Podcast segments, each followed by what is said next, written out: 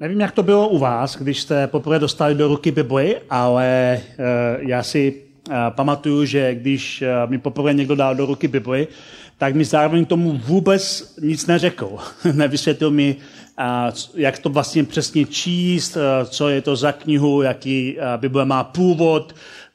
Neviděl jsem vlastně z toho úplně nic, asi všichni čekali, že eh, jako chytrý člověk na to přijdu sám a, a možná jste to měli podobné, že jste dostali Bibli do ruky nebo jste ji chytli poprvé někde třeba v nějakém knihkupectví eh, do ruky a začali jste si v ní listovat a nikdo vám vlastně nikdy neřekl, jak Bibli máme číst nebo eh, jak se v ní máme orientovat. Například nikdo mi neřekl, že Bible je opravdu stará kniha nám to možná tak nepřijde, když ji čteme pravidelně, protože je tam spousta velmi relevantních míst, ale když ji máte poprvé v ruce, tak si uvědomíte, jak je vlastně stará, že i ta část, které říkáme nový zákon, je vlastně 2000 let stará kniha a ta, které říkáme starý zákon, je ještě mnohem Eh, starší a neuvědomujeme si eh, díky tomu, že je stará, že byla psána lidem, kteří plavali v úplně jiném proudu, jiné doby, jiné kultury a uvažovali nebo používali slovník eh, své doby, své kultury.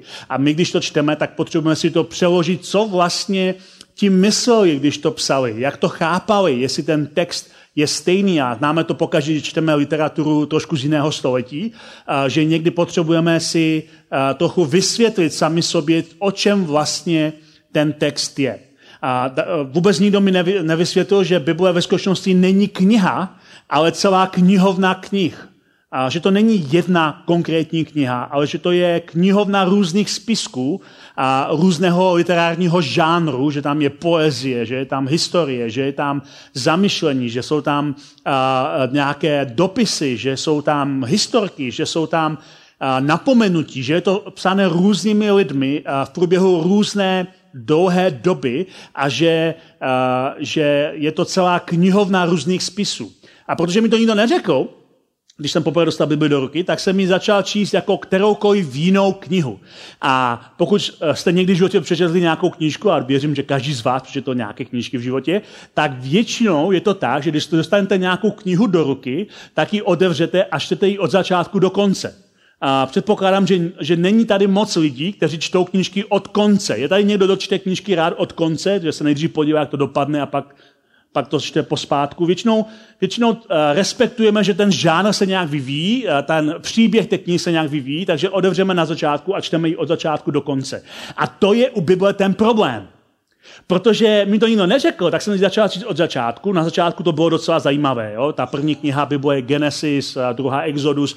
A tyhle dvě knihy byly hodně zajímavé. Je tam spousta archetypálních příběhů o tom, jak vlastně jsme se dostali na místo, kde dneska jsme. Bylo tam něco o stvoření světa, bylo tam něco o hříchu, o pádu člověka, bylo tam něco o věži, bylo tam něco o potopě, bylo tam něco o Abrahamovi, jeho putování, které změnilo navždy, jak lidé chápou svůj život, koloběhu a cyklu života do poutě, který má cíl. Byl tam příběh o Možíšovi, o izraelském nějakém národě, který byl v otroství a Možíšovi, který je zachránil z otroství. Všechno velmi akční, zajímavé historky. A pro mladého uh, kluka, který měl rád dobrodružné příběhy, uh, rozhodně mě tyhle příběhy bavily. První dvě knihy byly zajímavé, bavily mě. Nevím, jestli jsem tomu věřil, ale bavilo mě to. Pak jsem se dostal do třetí knihy, a, nebo do třetí části té knihy, kterou jsem myslel, že je jedna kniha, a to je kniha Leviticus. A pak jsou další dvě, a, Numery a Deuteronomium. A Numery už samo sobě říká, že je tam hodně o číslech. A Leviticus a Deuteronomium a Numery, tam je spousta různých pravidel, které mě jako mladému klukovi, který to držel v ruce poprvé, nedávali žádný smysl.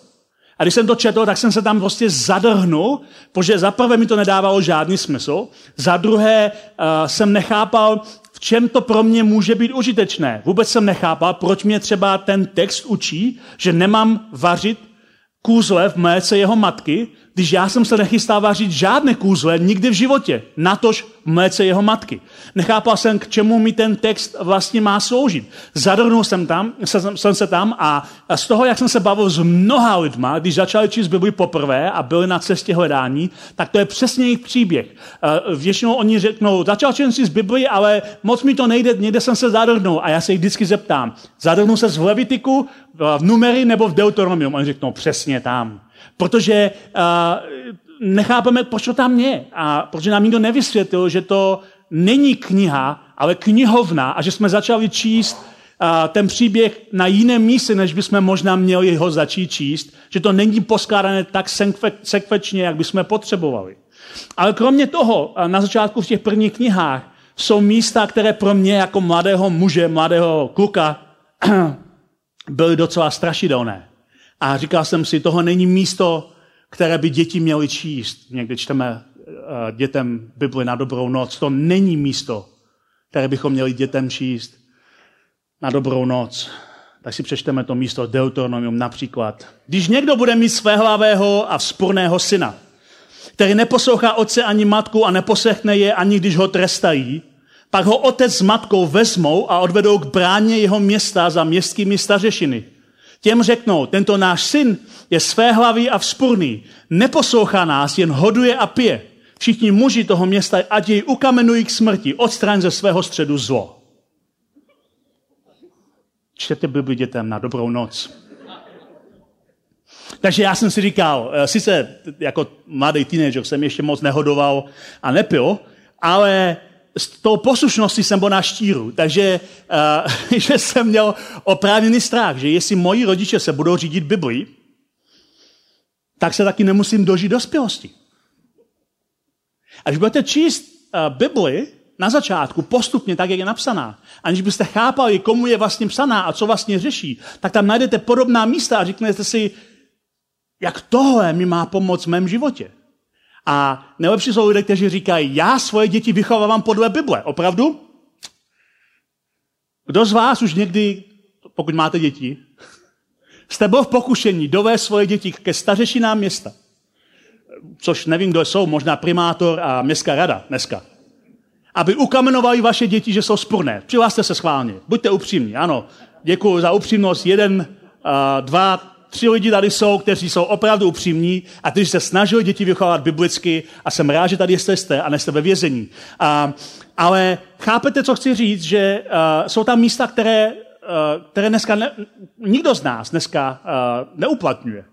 Protože uh, bychom se dostali úplně někam za hranici uh, zákona. Myslím zákona České republiky. A takže uh, když čteme Bibli a čteme tyhle ty stará místa, tak potřebujeme se zamyslet nad tím, co vlastně ty místa tam dělají, k čemu nám mají sloužit, proč tam vůbec jsou, proč to vůbec my máme číst. Zpátky tomu, co mi neřekli. Nikdo mi například neřekl, jak Bible vznikla. Když jsem se jako dítě ptal, jak, kdo napsal Bibli, tak jsem se dozvěděl odpověď, že Bibli napsal Bůh.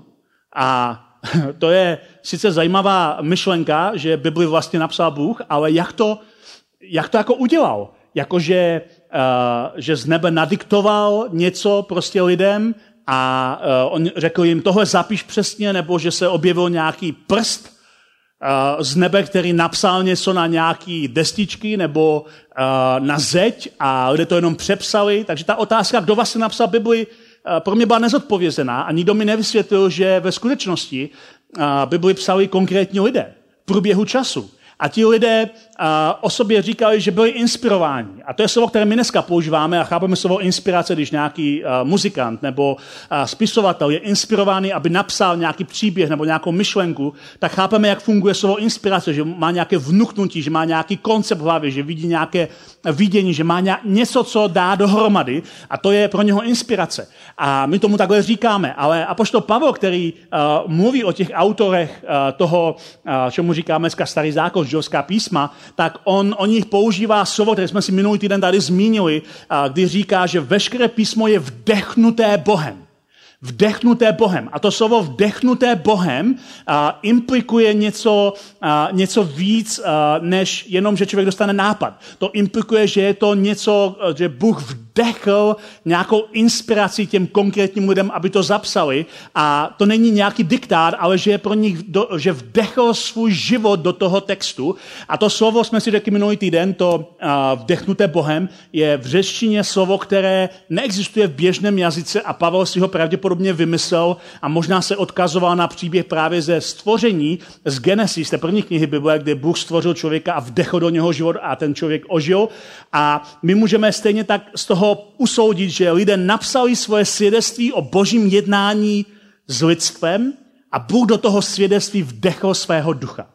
A to je to, čemu říkáme inspirace. To neznamená, že Bůh diktoval, že všechno, co v Biblii je, je tam proto, že Bůh to tak přesně chce mít napsané, ale že Bůh vdechl svůj život do textu, který lidé psali o své zkušenosti s Bohem a o tom, jak Bůh jedná s lidstvem a měli, Bůh do, nich, do toho vdechl svůj život.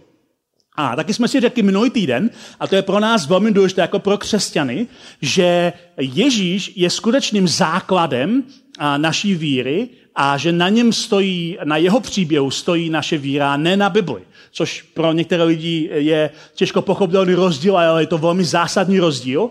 A první křesťané věřili, že Ježíš je dokonalým božím slovem. Že Ježíš je ten dokonalé boží slovo a proto se naučili všechno, co četli v Bibli, a číst Ježíšovými brýlemi. Jako by si nasadili zvláštní brýle, Ježíšovi brýle a všechno, co, co četli v tom textu, četli jeho brýlemi.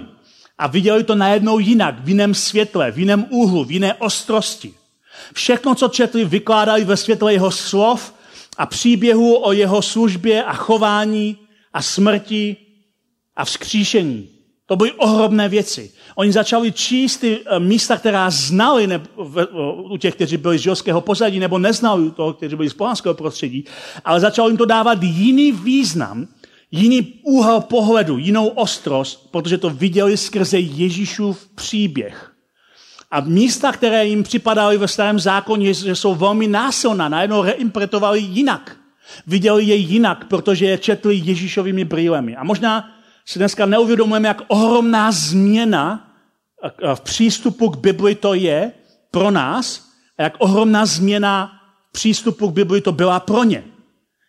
Kdy oni byli vychováni k tomu, že to slovo je to, co Bůh chce jim sdělit, ale najednou se učili, že Ježíš je to, co jim Bůh chce sdělit a skrze Ježíše chápou zpětně místa, které znali jiným způsobem. My jsme si minulý týden tady říkali, možná jenom připomenu, že raná církev popisovala celkem sedm smyslů, jak chápat, jak chápat písma, nebo sedm smyslů významu písma. Doslovný, historický, alegorický, morální, symbolický, eschatologický a archetypální. Že když ta první církev četla ten text, kterému říkáme dneska Bible, tak ho nečetla pouze doslovně. Některé věci eh, chápali doslovně, ale některé věci chápali alegoricky, některé věci chápali, že, že jsou napsané pro jejich poučení, a některé věci chápali, že jsou symbolické, některé chápali eschatologicky, to znamená, že chápali o tom, jak se má příběh vyvíjet, jako nějaká předpověď.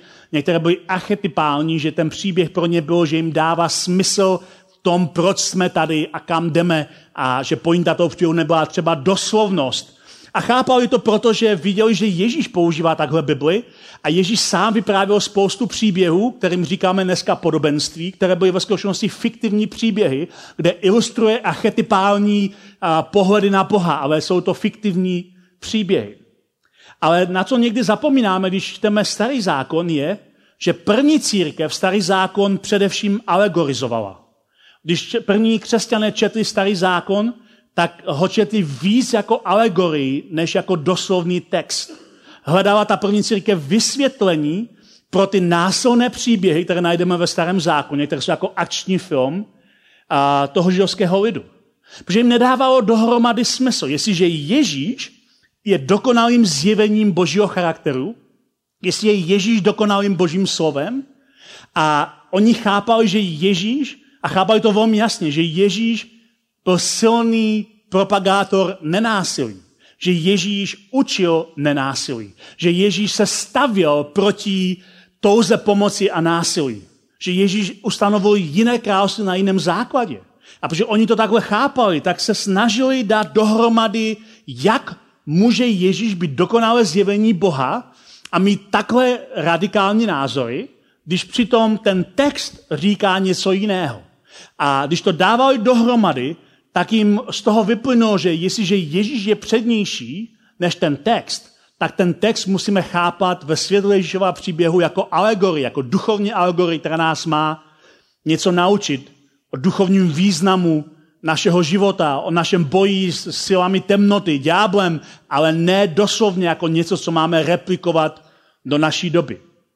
Když jsme u toho násilí, a k tomu se někdy vrátíme v nějaké jiné sérii, ale když jsme u toho násilí, tak oni chápali, že Ježíš skutečně učí velmi jednoznačně rozdíl.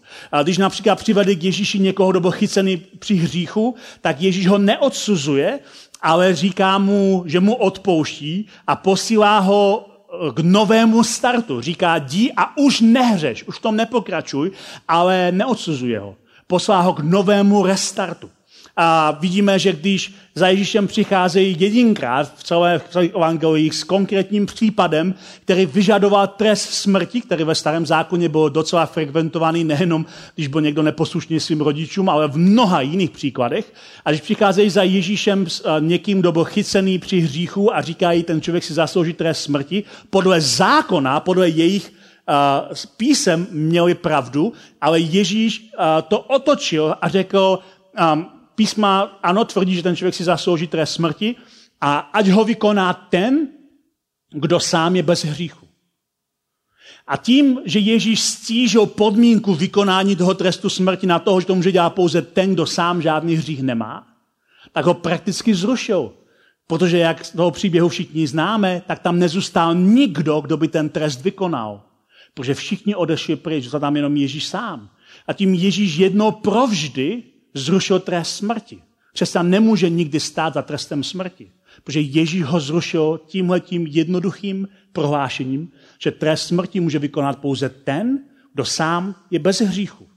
A když Ježíše zatýkají v zahradě Getsemane a jeho učedník Petr Ježíše brání násilně, vytáhne meč a usekne ucho tomu nějakému sluhovi, který ho Ježíše přišel zatknout, tak Ježíš mu říká, vrať svůj meč na místo, všichni do meč berou, mečem padnou. Vrať svůj meč na místo. Všichni do meč, do meč berou do ruky, mečem padnou. A my dneska si říkáme, jo, to bylo jenom pro tenhle ten konkrétní případ, Ježíš to nemyslel genericky, ale první církev chápala, že to Ježíš myslí genericky. Že křesťan nemá zkrátka používat na svoji obranu zbraň. Proto Tertulian, církevní otec, jeden z velkých církevních otců a velkých křesťanských autorů a vůdců té církve na začátku v těch prvních třech století, který žil na přelomu druhého a třetího století, tak řekl, když Kristus odzbrojil Petra, odzbrojil tím také všechny křesťany. Takže ty první křesťané, oni četli všechny ty texty, které my jdeme dneska ve starém zákoně, ve světle Ježíšových slov ve světle Ježíšového příkladu, jak Ježíš se chová. A, a, a říkám, někdy se k, téhle, k tomuhle tématu vrátím, že to je téma, které je mnohem širší. Ale a, když oni se dívali do, do Bible, tak ji nechápali jako text zákona, který se má dodržet. Minule jsem tady zmínil ten seriál v televizi Zákon a pořádek. A, když oni četli ten text, tak ho nechápali jako zákon na dodržení, ale spíš jako cestu k pořádku. Jako cestu k tomu, že Bůh chce nás dovést k pořádku. A jeden z hlavních eh, věcí nebo hlavních uh, zdrojů, jak nás Bůh chce dovést ke svým pořádkům, je skrze moudrost. Oni chápali Bibli jako knihu moudrosti. Mimochodem, uh, dneska se používá takový termín rodiče jako helikoptéry. Nevím, jestli to v češtině úplně funguje, v angličtině se to hodně používá že dneska rodiče často uh, jsou jako helikoptery nad svými dětmi, že neustále je hlídají, aby prostě byli v pořádku, aby se jim nic nestalo, že jako nad něma se vznášejí jako helikoptera. A takhle si někdy lidé představují Boha, že Bůh jako helikoptera, tak se nad námi neustále vznáší a čeká, kdy uděláme něco špatně, aby nás mohl plásnout přes prsty a říct, přestan s tím.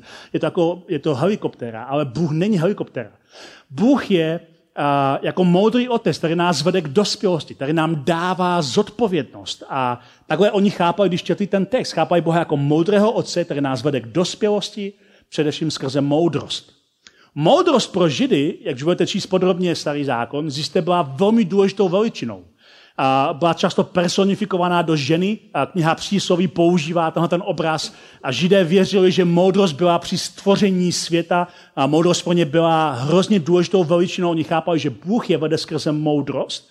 A mimochodem, jsme u toho přísloví, kniha Přísloví je celá o moudrosti, a, ale zároveň byla psána konkrétní skupině lidí a, a když vy budete číst podrobně, zjistíte, že je tam spousta velmi užitečných hrad, které si navzájem protiřečí. Takovým krásným příkladem, který možná jenom zmíním, je přísloví 26, 4 až 5. Ve dvou verších máte úplný protiklad. Je tam napsáno, neodpovídej tupci na jeho tupost, aby se mu sám nezačal podobat.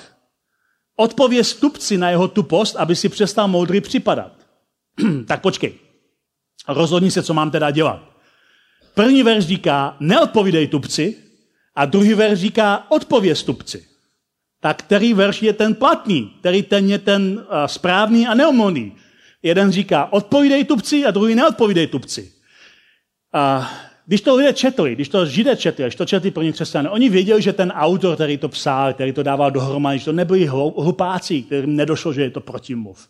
Naopak, je to vedle sebe právě proto, že je to protimluv, protože přesně tak funguje moudrost. Moudrost totiž funguje v situaci, ve které jsme. A jsou situace, které se potřebujeme naučit číst, jak Bůh jedná v různých situacích, ne co je zákon, ale co vede k pořádku. Proto v některých situacích je dobré tupci odpovědět, ale v jiných situacích je dobré tupci neodpovědět. Není to tak jednoduché. Lidé by chtěli mít pravidla, kde je jasně napsáno vždycky odpověz nebo vždycky neodpověz. Takhle my přistupujeme někdy k Bibli. Chceme, aby z toho byla kniha pravidel a zákonů, kde Bůh je jako helikoptéra, ale ve skutečnosti je to kniha, která nás vede k moudrosti, kdy se musíme naučit situaci, ve které jsme, a být otevření na Boha, aby jsme viděli v té situaci, jestli máme jednat tak či tak. A kniha přísloví nám dává právě krásný příklad, že oba dva verše mají pravdu v různých situacích, protože přesně tak funguje moudrost. A není vůbec divu, že pro první křesťany Ježíš byl stělesněním moudrosti. Oni o Ježíši mluví jako o někom, kdo uh, se stal stělesněním, do, na sebe, do, jakoby moudrost na sebe vzala lidskou podobu, tak je z toho Ježíš. Třeba první korinským apoštol Pavel píše, jen díky němu jste v Kristu Ježíši, který se stal naší moudrostí od Boha. On se stal naší moudrostí od Boha. Po nich se chápal, že jestliže si židé vážili moudrosti, tak Kristus je stělesnění moudrosti. A čím víc se přibližujeme ke Kristu, tím jsme víc moudřejšími lidmi. Že to není o pravidlech, které splníme, ale o tom, že jsme blízko Kristu. A čím víc jsme blízko Kristu, tím víc jsme moudřejší a tím víc jednáme moudře. Nenadarmo třeba Jakub, což je bratr Ježíše, a jeden z hlavních důvodů, proč věříme ve skříšení Krista, protože uh, Jakub, uh, jak známe z historie, nebyl Ježíšův následovník v době, kdy Ježíš žil, ale až po Ježíšově smrti a vzkříšení se stal jeho následovníkem a jak často lidé říkají, co bys mohl ty udělat, aby si přesvědčil svého vlastního bratra, ze kterým si vyrostl, že jsi boží syn. Uh, já mám dva bratry, až bych udělal cokoliv, tak by stejně vždycky řekli, to je dobrý trik a nikdy by mi nevěřili. Takže to, že Jakub se stal následovníkem svého bratra Ježíše, je úžasný důkaz, proč křesťané věří ve skříšení. A Jakub sám říká, že moudrost je důležitá věc. A že moudrost od Boha je důležitá věc. A že Bůh nám chce dát moudrost. A říká, scházeli někomu z vás moudrost a žádá Boha a ten mu ji dá. Je přece štědrý ke všem a bez výhrad. Jestliže někdo touží po moudrosti a se modlí k Bohu a Bůh mu moudrost určitě dá. Protože moudrost je to, jak nás Bůh vede na cestě naší víry. Bible tedy pro nás je kniha moudrosti a zároveň svědectví o božím jednání s lidstvem. To jsou dvě věci, které jsou velmi důležité, obě dvě dohromady. Bůh chce, abychom porozuměli jeho příběhu, to je to, v čem nacházíme moudrost, ale také, jaké máme my místo v jeho příběhu, což je přesně to místo, kde potřebujeme nacházet nasměrování pro svůj život. Takže já bych si dovolil na závěr téhoto série vám říct několik praktických hrad, které nám můžou pomoct v tom, jak začít číst Bibli jako knihu moudrosti a také svědectví toho, jak Bůh s námi jedná, protože kniha Bible není jenom o tom, co se stalo někomu jinému, ale může se stát naší osobní knihou, která promlouvá k nám, která nás vede ke změně. A doufám, že to tak u každého z nás, kdo Bibli začne číst, bude, že začneme chápat, že je to svědectví o tom, jak Bůh jedná a že je to také kniha moudrosti, která nás vede. Takže několik praktických rád, jak začít číst Bibli, nebo pokud ji čtete, jak možná se prohloubit ve čtení Bible, aby jsme uh, věděli, kde začít například. Takže aby nám čtení Bible přineslo užitek, potřebujeme si najít čas, místo a plán.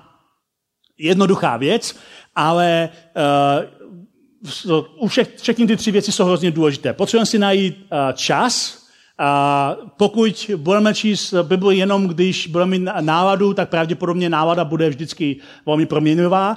Najít si konkrétní čas znamená, že se rozhodneme, kdy si chceme Bibli číst. Každý z nás je jiný typ osobnosti. Někdo je ranní ptáče, někdo je jako spíše noční sova. Určitě nemá cenu se tlačit do toho, co nejsme. Takže pokud tobě to nejvíc myslí o půlnoci, nesnaž se číst Bibli v pět ráno, protože pravděpodobně budeš u toho spát, a obráceně. Prostá věc, jednoduchá věc, ale rozhodni se pro nějaký čas pravidelný, kdy si chceš přečíst něco z Bible. Ideálně, když si najdeš nějaké konkrétní místo, kde si čteš Bibli. Nějaké stejné místo, kde si vytvoříš nějaký návyk. A může to být tvoje oblíbené křeslo, může to být tvoje jízda v autobuse do práce, může to být uh, nějaké konkrétní místo někde v kavárně, může to být záchod, může to být cokoliv, kde rád trávíš čas. Ale najdi si svoje místo. A také si zvou svůj plán.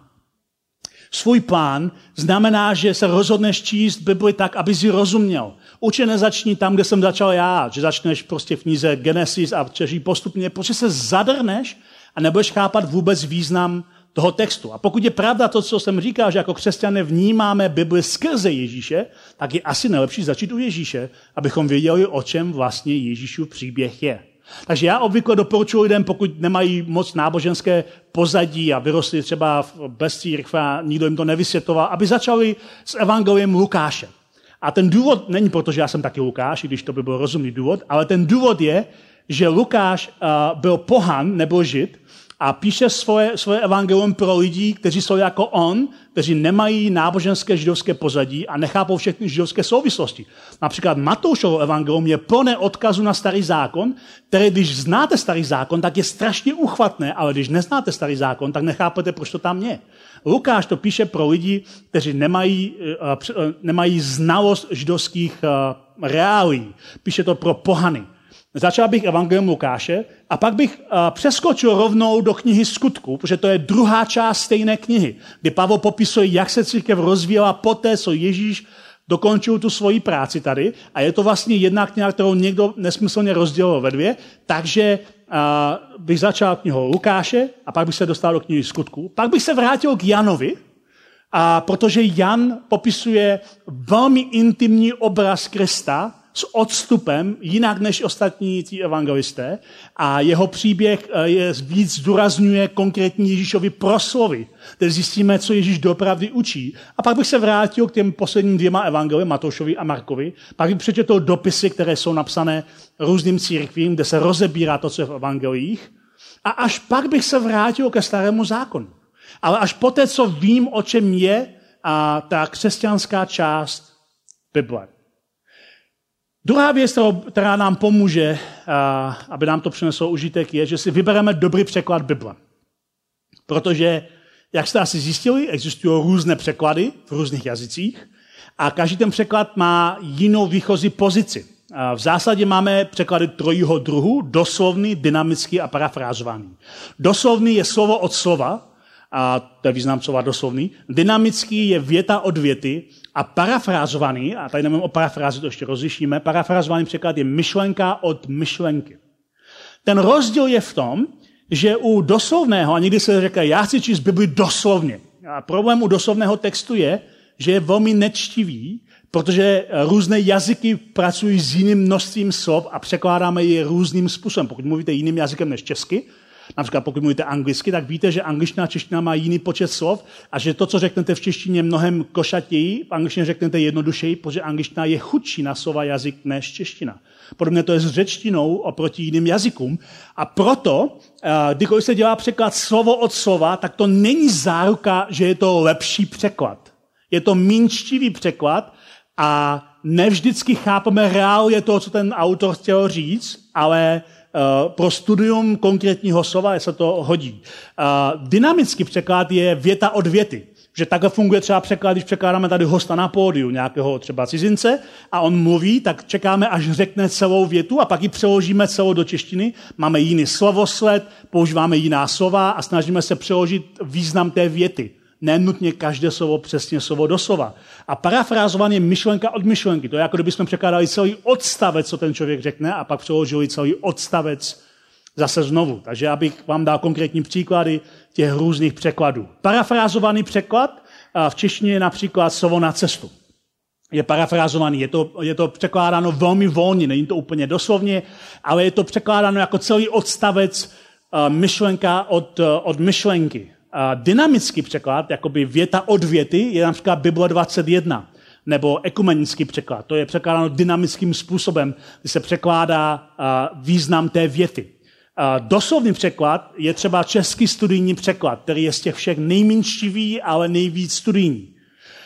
Pak máme některé překlady, které jsou jazykově zastaralé, jako třeba králický překlad. A ten bych doporučoval, abyste četli pouze, když znáte celou, celou Bibli už v jiném překladu a když máte po ruce slovník ze staročeštiny, co konkrétní slova znamenají.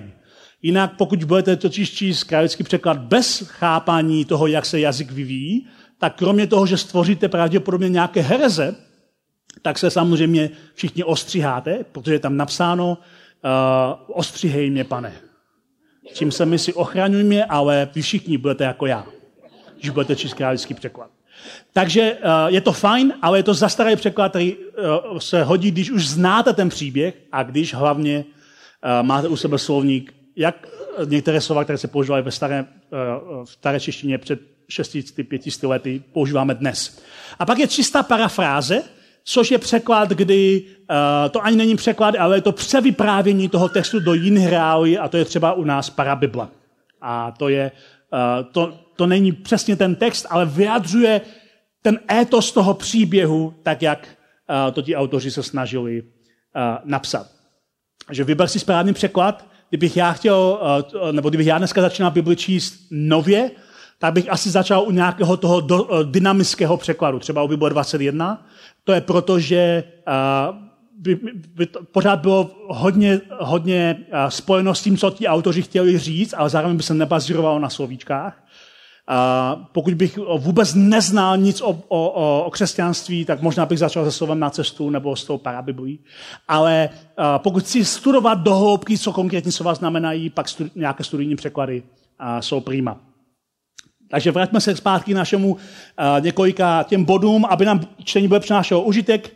Udělejme si a, Bibli svou osobní knihou.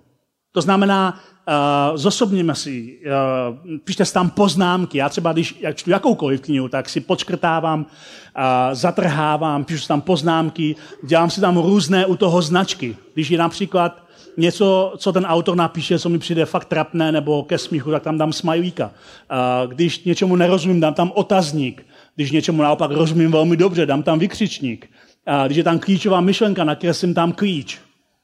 Je to jednoduché a prosté. Je to svoji osobní knihou, neexistuje žádný dobrý systém, ale když si uděláš Bibli svojí osobní knihou, pomůže se ti v tom orientovat a zároveň se v tom budeš moc vracet a zjistíš, že je to mnohem hlubší a lepší, než si myslel. A poslední věc, nauč se nějaký verš na spaměť. A je, tohle byla vždycky po celou historii církve jedna z disciplín, kterou, kterou lidé dělali, když četli Bibli, že se učili některé pasáže, některé verše. Proto také máme Bibli verše, protože někteří lidé neví, ale uh, když psali autoři Bibli, to, co dneska nazýváme Bible, tak tam nebyly žádná čísla, ani kapitoly, ani verše. To tam dodali uh, mniši ve středověku, aby se jim právě to líb rozsekal ten text na čtení.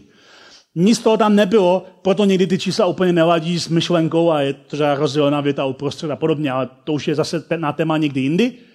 Ale vždycky se křesťané snažili naučit nějaké konkrétní texty, které jim pomáhaly, že v různých situacích, kdy hledali moudrost a kdy se modlili, bože, co mám dělat, tak je napadaly texty, které četli. Takže učit se na, znát na nějaké věci bylo pro ně úžasnou, uh, úžasným uh, způsobem, jak se učit. Nakonec to chci říct je, že Bible má mnohem větší dopad pro naše životy, než pouhá informace o Bohu. Tím dopadem, proč čteme Bibli, je naše osobní změna. Když čteme Bibli a čteme dokonce i ten starý zákon, ten starý zákon nám ukazuje svět, jak vypadá bez božího řešení. Svět plný násilí, svět jde oko za oko, zub za zub, svět, ve kterém, a, ve kterém není mnoho naděje. A, a zároveň je to také uh, zrcadlo, které nám je nastaveno, jak bychom my sami vypadali. Když čteme uh, celý ten text Bible, starý nový zákon, tak je to pro nás jako zrcadlo, kdy se díváme do Bible, vidíme sebe tak, jak nás vidí Bůh. Vidíme svoje hodnoty, vidíme svoje, uh, svoje měřítka, vidíme svoje zvyklosti, svoje návyky, je to podrobeno nějakému testu. A vede nás to ke změně. Je to něco, co nás ponouká k tomu, abychom se posunuli k moudrosti, k tomu, abychom žili, žili lépe. Ten Jakub, který píše o moudrosti, že se máme modlit Bohu za moudrost, že boží moudrost je čistá, že nás vede ke zbožnosti, tak ten Jakub říká, tím slovem je ale potřeba se řídit. Nenamlouvejte si, že mu stačí naslouchat. Doslovu naslouchá, ale neřídí se jim. Podobá se člověku, který se vidí v zrcadle, ale když odejde, hned zapomene, jak vypadal. Kdo však zahledl dokonalý zákon svobody a drží se jej, blaze jemu ve všem, co dělá. Nezapomíná totiž, co slyšel, ale naplňuje to skutkem. A to je přesně to, co přeju každému jednomu z vás i sobě. Když budeme číst Bibli, aby to bylo pro nás zrcadlo, kde uvidíme sebe a zůstane v nás ten obraz, který nás vede k trvalé změně podle zákona svobody, podle moudrosti, kterou nám Bůh dává skrze své písmo. Když se naučíme číst Bibli Ježíšovými brýlemi a z modlitbou k průvodci naší víry, k Duchu Svatému, o kterém jsme mluvili v minulém seriálu, slova této starodávné knihy ožívají novým významem, který nás má pozbudit na cestě víry za Ježíšem. My jsme mluvili celé léto až vlastně od začátku července do téhleté neděle na téma cesty víry. Mluvili jsme o tom, co nám na cestách víry pomáhá. Mluvili jsme o tom, že nejsme sami na cestě víry, že máme kolem sebe lidi. Mluvili jsme o tom, že máme dokonce Boha vedle nás a v nás a parakleta Ducha Svatého, který nás vede, který nám zavírá a odevírá dveře. Mluvili jsme o něm jako o někom, kdo staví a bo, naši víru a boří naše náboženství. Mluvili jsme o Bibli jako o knize, která nám na cestě víry pomáhá, vede nás k moudrosti. A já přeju každému jednomu z vás, aby na cestě moudrosti a na cestě víry jste objevovali Ježíše a přibližovali se k němu a zjistili, že v něm je život, v něm je moudrost, v něm je víra a v něm je láska. Dovolte se mi modlit na závěr. Pane Ježíši, já ti děkuji za to, že jsme mohli celý ten dlouhý cyklus několika sérií přenášet o cestách víry. A já se modlím o to, aby každý jeden z nás, kdo je na cestě víry, na té cestě víry kráčel s nadějí, že se přiblíží k tobě. A když se přiblížíme k tobě, který jsi zdrojem moudrosti, lásky a víry, tak aby tyto kvality v nás rostly. Modlím se za ty, kteří nejsou na cestě víry, aby možná zkusili znát cestu víry vykročit. Je to proces, kdy nemusí na začátku věřit všemu, co, co říkáš, nebo všemu, co jsi, ale je to cesta objevování, cesta poznávání a cesta, která nás nakonec dovede ke zdroji života. Amen.